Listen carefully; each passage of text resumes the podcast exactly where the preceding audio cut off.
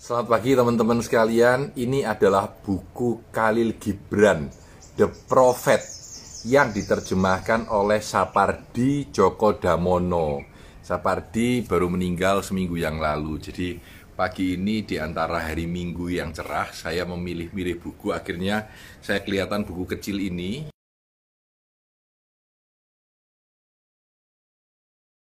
Ya mulai dari pertama saya kenal The Prophet itu saya cetak dari internet, lalu saya beli bukunya, lalu mungkin saya pernah beli lagi, dan terakhir saya lihat Sapardi menerjemahkan The Prophet, jadi akhirnya saya beli lagi.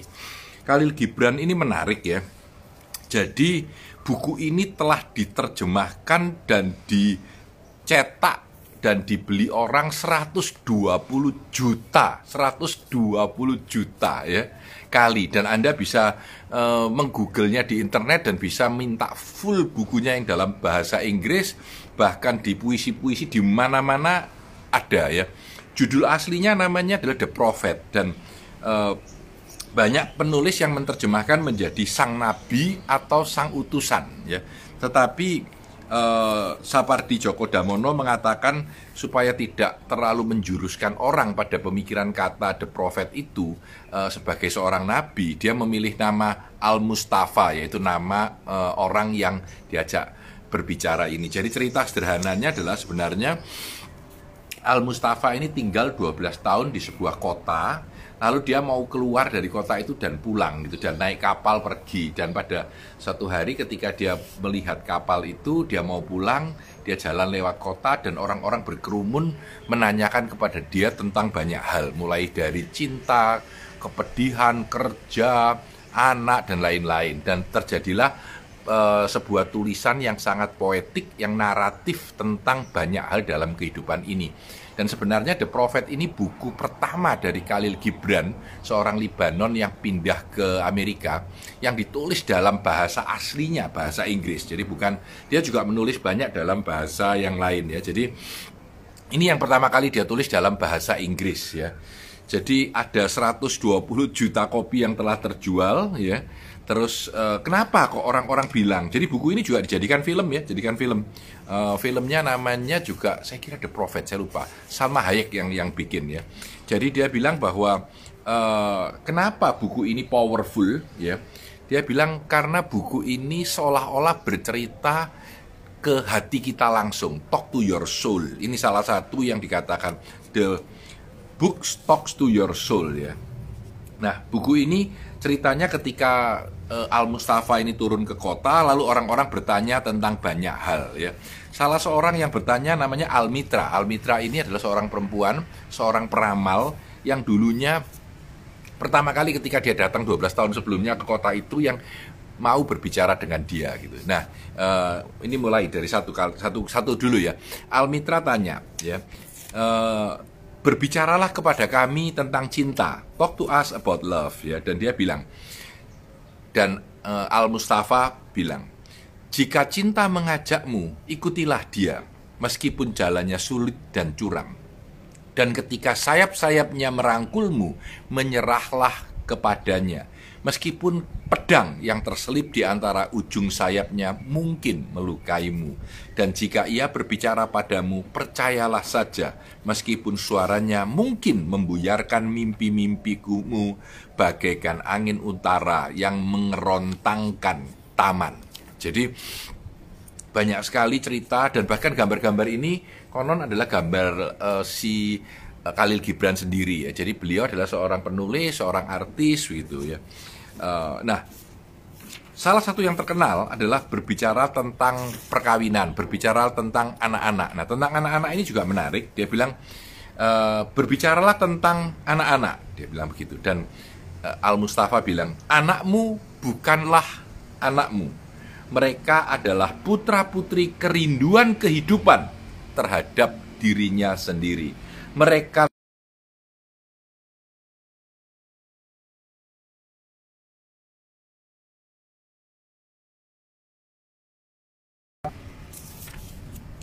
Kau adalah busur yang meluncurkan anak-anakmu bagaikan panah hidup. Jadi, jadi anak-anak itu seperti anak panah yang diluncurkan ya. Pemanah mengetahui sasaran di jalan yang tak terhingga dan ia melengkungkanmu sekuat tenaga agar anak panah melesat cepat dan jauh. Biarlah tubuhmu yang melengkung di tangannya merupakan kegembiraan sebab seperti cintanya terhadap anak panah yang melesat, ia pun mencintai busur yang kuat. Jadi anakmu itu seperti anak panah yang ditembakkan keluar ya dan uh, Al Mustafa berbicara tentang sedekah, tentang makan dan minum, dan tentang kerja. Ini salah satu yang saya sukai yaitu ketika dia berbicara tentang kerja. Ya, uh, berbicaralah kepada kami tentang kerja, dan ia menjawab, kau bekerja agar bisa mengikuti langkah bumi dan jiwa bumi. Sebab jika menganggur saja kau akan menjadi asing dalam segala musim dan melangkah keluar dari perjalanan kehidupan yang bergerak maju dalam penyerahan diri yang gagah dan bangga terhadap yang tak terbatas. Ketika kau bekerja, kau adalah seruling yang jiwanya dilewati saat-saat yang berubah menjadi nyanyian. Menarik ya, menarik ya. Lalu ketika ditanya, apa artinya bekerja dengan cinta? Bekerja dengan cinta adalah menenun kain dengan benang-benang yang diambil dari jantungmu. Karena kau kasihi, karena yang kau kasihi akan mengenakan kain itu. Ya. Bekerja dengan cinta adalah membangun rumah dengan tulus karena yang kau kasihi akan menghuni rumah itu. Bekerja dengan cinta adalah menyebar bibit dengan penuh kelembutan dan memanen dengan penuh kegembiraan karena yang kau kasihi akan memakan buah itu adalah mengubah segala sesuatu dengan helaan napas jiwamu sendiri dan mengetahui bahwa yang sudah mati dan diberkahi berdiri di sekitarmu dan menyaksikan semua ini. Bulu kudus saya berdiri ya. Jadi itulah uh, uh, tentang kerja. Kerja adalah cinta yang kasat mata dan jika kau tidak bisa bekerja dengan cinta, cinta tetapi dengan kebencian, lebih baik kau tinggalkan saja kerjamu dan duduk di gerbang rumah suci dan menerima sedekah dengan mereka yang bekerja dengan gembira. Artinya kalau nggak bisa bekerja dengan baik, lebih baik mengemislah gitu ya. Sebab jika kau memanggang roti dengan acuh tak acuh, kau hanya akan memenuhi separuh dari rasa lapar manusia. Dan jika kau menggerutu ketika menggilas anggur, gerutumu akan menyulingkan racun ke dalam anggurmu. Dan jika kau menyanyi bagaikan malaikat tetapi tidak menyukai nyanyian itu, kau hanya akan menyumpal telinga manusia sehingga tidak bisa mendengar suara riang dan suara malam. Nah, uh, tulisan Khalil Gibran ini menarik-menarik dan tulisan The Prophet ini memang paling terkenal banget karena dia tanya terhadap satu hal dan Anda bisa membaca sebagian itu saja tanpa membaca yang lain. Ya, uh, ini ada yang bertanya gini, dia bilang ya, uh, your joy is your sorrow unmasked. Sukacita adalah dukamu yang telah dilepaskan topengnya. Dari sumber yang sama, tawamu sering kali muncul bersama air matamu. Jadi ini juga menarik. Dia bilang bahwa suka dan duka itu bersumber pada tempat yang sama. Kalau Anda tertawa terbahak air mata Anda keluar. Ya. Dan kalau Anda menangis terlalu dalam, kadang-kadang tiba-tiba bisa seperti mau tertawa. Karena sebenarnya tawa dan tangis itu berasal pada sumber yang sama. Uh, dari sumber yang sama, tawamu sering kali muncul bersama air matamu. Dan kenapa itu bisa terjadi? Semakin dalam duka terukir dalam hatimu, semakin banyak suka yang bisa ditampungnya. Bukankah cawan yang berisi anggurmu adalah cawan yang dibakar di tungku tukang tembikar? Jadi kalau cawan itu dibuat minum tapi dulunya dia sengsara karena dibakar. Ya. Ketika kau bersuka, pandanglah hatimu dalam-dalam dan akan kau ketahui bahwa yang telah menerima duka adalah tempat yang sama dengan ketika menerima suka. Ya.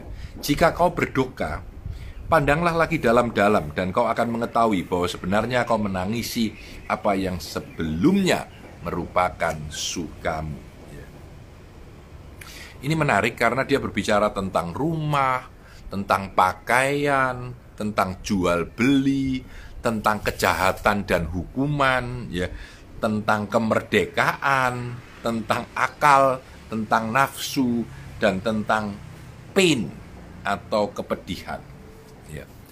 Dia bilang bahwa your pain is the breaking of the shell that enclosed your understanding. Ya. Kepedihanmu adalah pecahnya tempurung yang membatasi pengertianmu. Ya. Seperti halnya biji buah yang harus memecah agar intinya bisa berhadapan dengan matahari. Begitu juga kau harus mengenal kepedihanmu. Jika kau membiarkan hatimu terpesona oleh keajaiban sehari-hari dalam kehidupanmu, ya, jadi jika kita ini memandang kehidupan dengan kacamata yang begitu terbuka, maka kepedihan akan terasa sama indahnya dengan kegembiraan.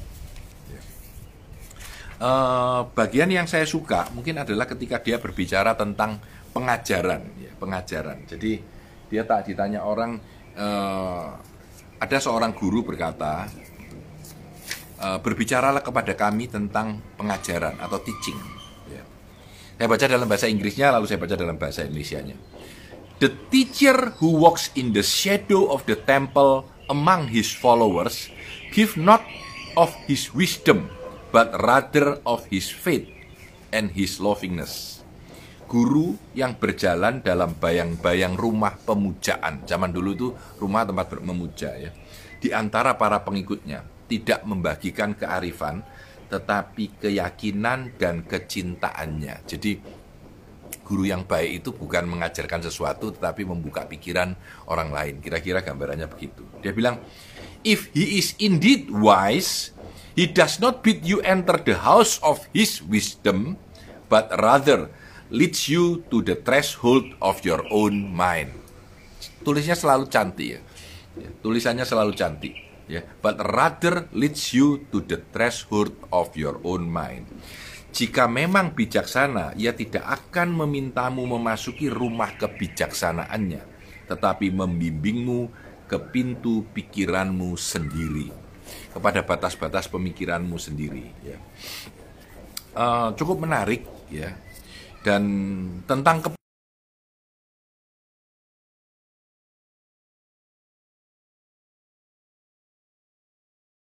Kenyanyian kebebasan. Kepuasan adalah kenyanyian kebebasan, tetapi bukan kebebasan.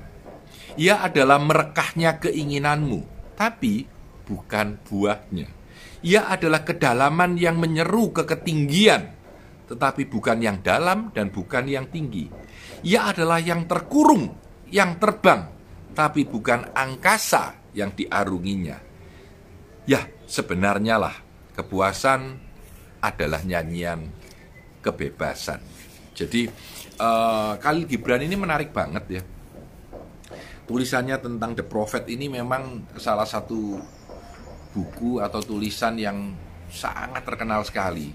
Ya, Salma Hayek ketika membuat film ini dia bilang, kalau kamu baca ini, kamu akan merasa aku paling suka bagian yang A, yang satunya bilang aku paling suka bagian yang B, yang satunya bilang aku paling suka bagian yang C. Ternyata begitu banyak, begitu lebar kacamatanya uh, apa namanya Khalil Gibran dalam The Prophet ini Al Mustafa diterjemahkan sang nabi sebagian buku menulisnya sebagai sang nabi ya. Dulu saya punya buku terjemahannya yang dulu sekali namanya sang nabi ya. Dia bilang bahwa uh, kacamata kita ini ketika membaca ini akan melihat ke arah yang kita yakini sendiri buku ini sangat spiritual dan dari agama apa pun bisa menerimanya dan ini memang tidak diarahkan kepada agama mana pun ya. Tetapi yang menarik sebenarnya adalah ketika kita membaca ini sering-sering kita merefleksikan diri kita sendiri. Kita seperti membaca kembali dan seperti katanya orang bahwa buku ini seolah-olah berbicara pada jiwa kita ya, tentang cinta, tentang anak, tentang bisnis, tentang kerja, tentang kebahagiaan, tentang kepedihan, tentang apa saja.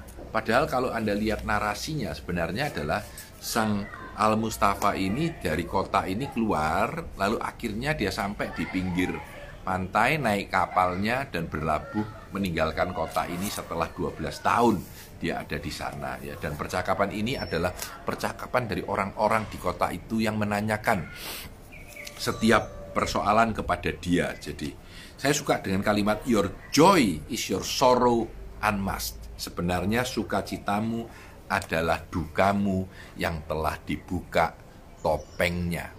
Saya Tanah di Santoso, selamat hari Minggu. Semoga minggu ini membawa banyak kecerahan